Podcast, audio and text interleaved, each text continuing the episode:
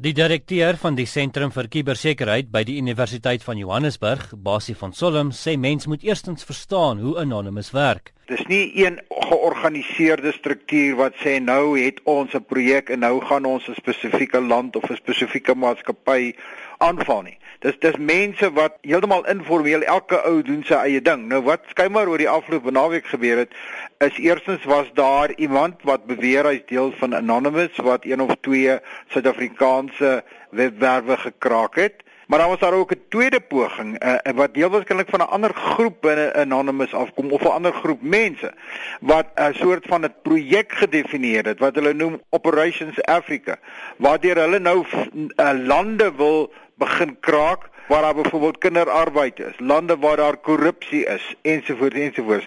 En Suid-Afrika volgens hulle is hoog op daai lys om aangeval te word. 'n Kenner in kubersekuriteit, Jacques van Heerden, sê dit is beslis 'n kleiner, minder gespesialiseerde groep wat op Suid-Afrika fokus. Die regte anonymous wêreldwyd het baie skilled hackers en hulle kan in baie sensitiewe webwerwe inbreek.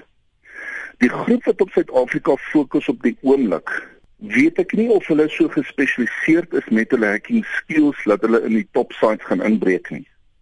Dan praat ek van die die sites se SARS en daai ouens wat data host vir die publiek. As dit so is, dan moet daai organisasie maar net 100% seker wees dat hulle proteksie meganismes vir hulle webwerwe 100% veilig is.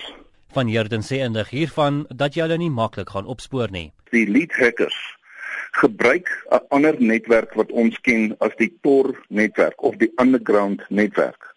Baie mense ken dit as die deep web en die dark web area. Hierdie netwerke is 3 keer groter as die internet self. Wanneer jy hierdie deep web en dark net gebruik, kan jy nie getreis word nie, want hy hop deur soveel verskillende lande en hy het dan 'n webwerf en dan is daar geen manier dat jy hom kan treis nie. As dit die modus, as dit die metode gebruik is, gaan hy nie getrek word nie. Jou gewone skripkieries wat baie min weet van hacking af, weet nie van hierdie netwerke nie. So hulle hack die webwerf en hy release dan sy IP-adres teenoor daai webwerf. Hy kan dan getreis word en gevind word.